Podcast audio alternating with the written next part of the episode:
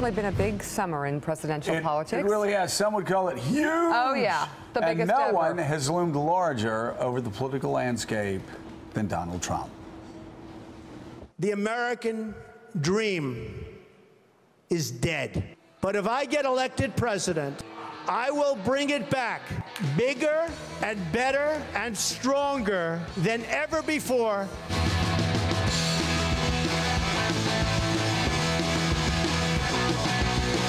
Jeb Bush is a low energy person. This is not about the big personality in the room. For him to get things done is hard. We'll never win if we're appealing to people's anger each and every day. Right down the road, we have Jeb. Very small crowd. We're a conservative party, aren't we? Very small crowd. Mr. Trump doesn't have a proven conservative record. You know what's happening to Jeb's crowd, as you know, right down the street?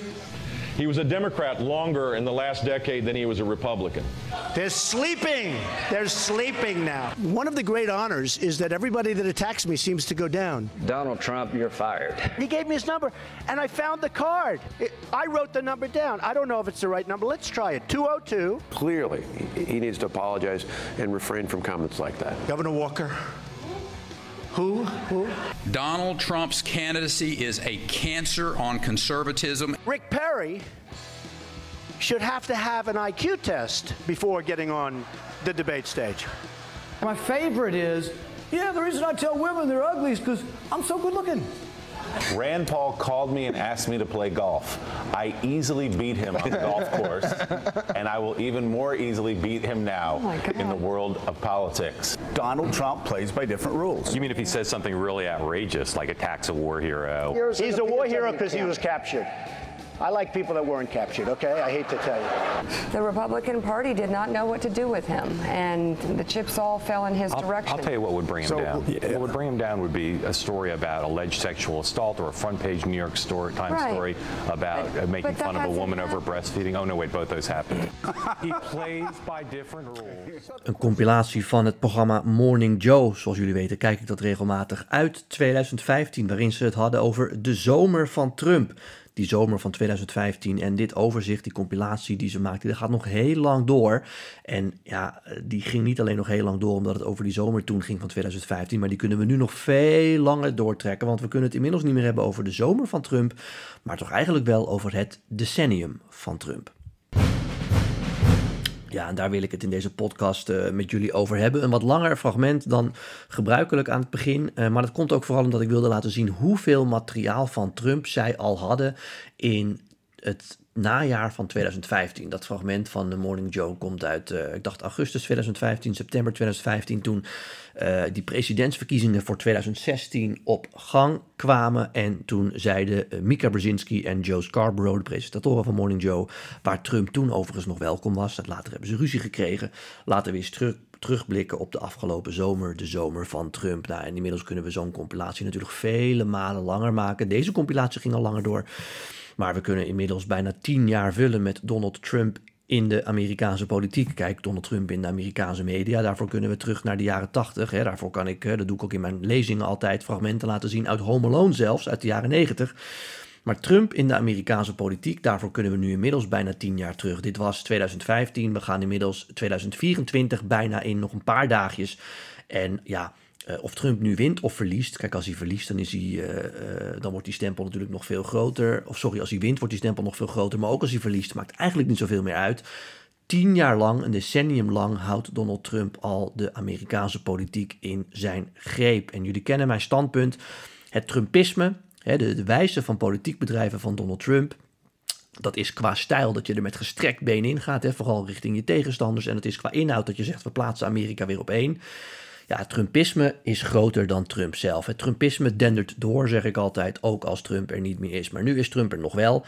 En wil ik eh, deze dagen, ja, de laatste dagen van 2023, voordat we echt een presidentsverkiezingsjaar, hè, een presidential year ingaan, 2024, wil ik even stilstaan bij wat dat eigenlijk betekent. Dat Trump al bijna tien jaar lang, een decennium lang, de Amerikaanse politiek in zijn greep heeft. En ja, ik zat te denken voor deze podcast wil ik hem even wat tijdlozer maken, zodat je die lekker even in de kerstvakantie terug kan luisteren. Ik heb deze keer ook geen vragen die ik beantwoord uh, van jullie. Die komen allemaal weer in de eerste podcast die ik maak uh, in de eerste week van januari.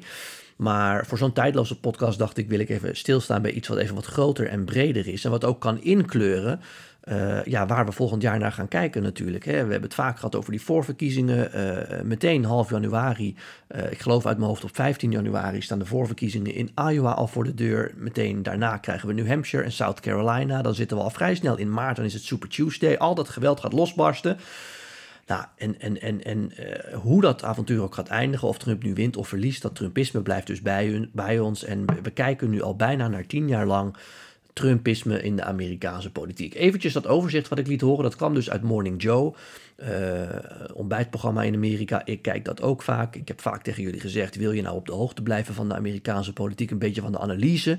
Uh, dan kun je je abonneren op MSNBC op YouTube. En dan krijg je, als je een paar keer Morning Joe hebt aangeklikt, gewoon iedere keer in je overzicht automatisch de nieuwste aflevering van Morning Joe. Het duurt iedere ochtend 4 uur.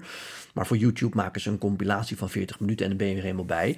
Ze hebben Trump regelmatig in de uitzending gehad. Trump belde heel vaak in, is ook wel eens in de studio geweest. Maar toen Trump op een gegeven moment zei, dat was nog in de campagne voor zijn eerste presidentschap. Dat was uit mijn hoofd december 2015, maar het kan ook januari 2016 geweest zijn. Toen zei hij, we moeten misschien maar even tijdelijk de grens sluiten voor uh, uh, landen waar veel uh, islamitische immigranten uitkomen. Hè. Daar kwam die moslimban vandaan, die moslimban. Uh, toen hebben ze gezegd, dit zijn Hitleriaanse praktijken en uh, we willen niks meer met Trump te maken hebben. Dat is ook het moment dat Joe Scarborough, die is namelijk een voormalig congreslid van de Republikeinse Partij, zijn lidmaatschap opzeg, opzegde van de partij zolang Trump daar aan de macht was of Trump daar hoog in de peilingen stond. En ja, little did he know dat dat bijna tien jaar zou duren. Dus hij is nog steeds geen lid meer van de Republikeinse Partij, al bijna tien jaar niet meer. En ja, hij dacht natuurlijk ook van ja, dat gaat misschien nog een paar maanden duren, want Trump wordt echt niet onze presidentskandidaat. En als hij dat dan wordt, dan wordt hij echt geen president. Nou, inmiddels weten we natuurlijk wel beter. Uh, in dat overzichtje zie je ook een aantal mensen die Trump afkraakt toen, die meededen aan de uh, Republikeinse voorverkiezingen. En daarin zie je dus ook in hoeverre uh, de Republikeinse Partij gevormd nu is in het Trumpisme. Want bijvoorbeeld Jeb Bush, hè, low energy Jeb, die heeft, uh, uh, Trump, helemaal, Trump heeft hem helemaal met de grond gelijk gemaakt. Maar inmiddels is die om en stemt hij gewoon op Trump. Althans, dat zegt hij. Ik denk eigenlijk stiekem dat hij uh, voor Clinton en Biden heeft gestemd. Maar hij zegt dat hij op Trump stemt. Maar veel uit het oog springen er nog. Lindsey Graham. er zit een klein fragmentje in het audiofragmentje wat ik eerder liet horen. Waarin hij een nummer opnoemt. Hè. Trump zegt: Ik heb hier een telefoonnummer gevonden. Volgens mij is dat van Lindsey Graham. Laat ik het even opnoemen. En die heeft toen live op de Amerikaanse televisie het telefoonnummer van Lindsey Graham opgelezen. Maakte hem helemaal belachelijk. Lindsey Graham heeft ook vervolgens in interview in interview gezegd dat de Republikeinse Partij absoluut niet met Trump in zee mag gaan. Inmiddels is het zijn grootste verdediger. Uh, Rick Perry, uh, die had het over, zat ook in het fragment in de compilatie van net, een, een cancer on conservatism, hè, een kanker in de conservatieve beweging. Zo noemde hij Trump. En later werd hij minister van Energie onder Trump. En ook nu weer zou hij op Trump stemmen. Dus uh, ja, als je terugkijkt naar die zomer van 2015 en dat vergelijkt met, nou niet alleen nu, maar ook al een paar jaar later, is die Republikeinse Partij volledig omgevormd en is het nu the other way around. Hè? Als je nu Trump steunt, dan krijg je allerlei goede posities in die partij. Zie ook de voorzitter van het Huis van Afgevaardigden, uh, die we nu nieuw hebben. Zie andere belangrijke Republikeinse politici. En ja, spreek je je uit tegen Trump, zie Liz Cheney, dan is het exit. Nou, inmiddels dus, ik zei het al, hebben we het over het decennium van Trump. En los van wat er volgend jaar gebeurt, um, zijn al die trends achter Trump nog steeds aanwezig. Uh, en die maken dat Trump in ieder geval goede papieren heeft om volgend jaar te winnen. En, en als Trump het dan niet is, dan wordt het een Trumpist. Hè. Kijk naar de andere Republikeinse presidentskandidaten. Nikki Haley is misschien een Trump light. Heeft wel als vertegenwoordiger in de Verenigde Naties, bij de Verenigde Naties gediend in het eerste Trump, Witte Huis. Maar Ron DeSantis is natuurlijk zeker een Trumpist. Hè? Dus als Trump niet wint, is het waarschijnlijk een Trumpist die daar ook hoge ogen gooit. Maar als we even kijken naar de belangrijkste trends achter Trump die het afgelopen decennium hebben vormgegeven, ja, dan zijn die allemaal nog heel sterk aanwezig. Dus bijvoorbeeld, hè, ik plaats Amerika op één, hè, America First.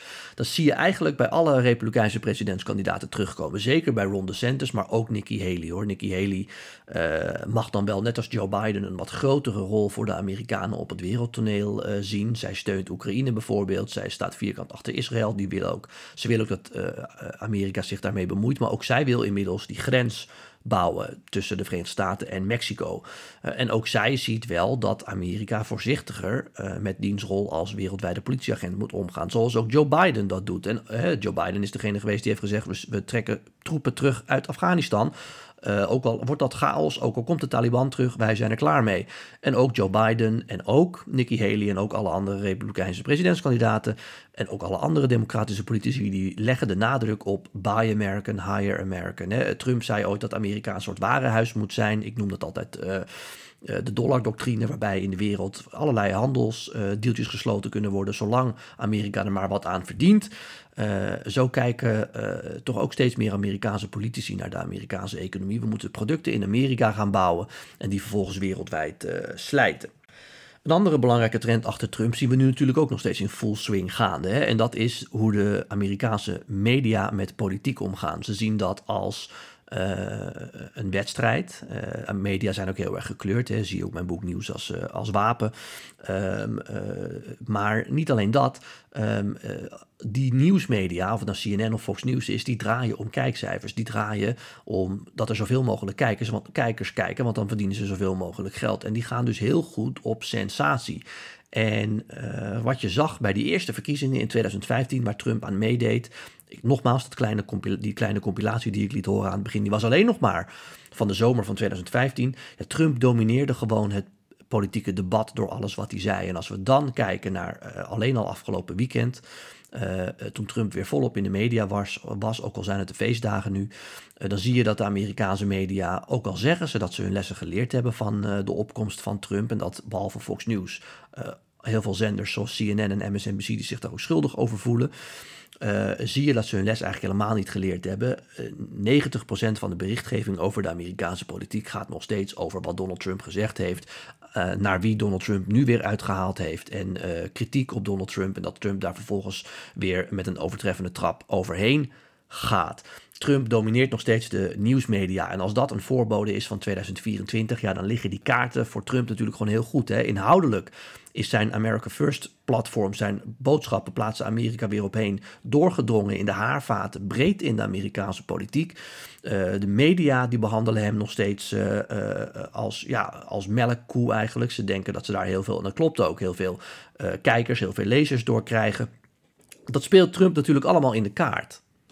Ja, en dan vervolgens is er nog een hele andere grote trend achter Trump, die ook nog steeds heel belangrijk is. Kijk, als je nu naar de peilingen kijkt, zie je dat Trump uh, de vloer aanveegt met Biden. Hè. In de ene peiling wint hij met 5 procentpunten, de andere met uh, uh, 3 procentpunten, maar Trump staat voor.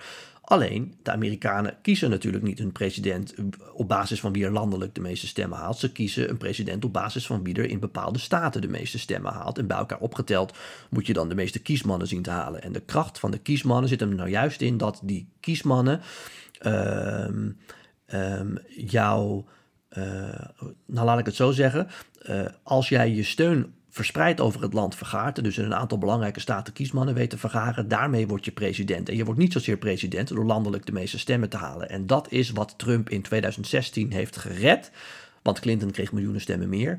En dat is waardoor Trump in 2020 nog heel dicht in de buurt van Joe Biden zat. Ook al kreeg hij 8 miljoen stemmen meer.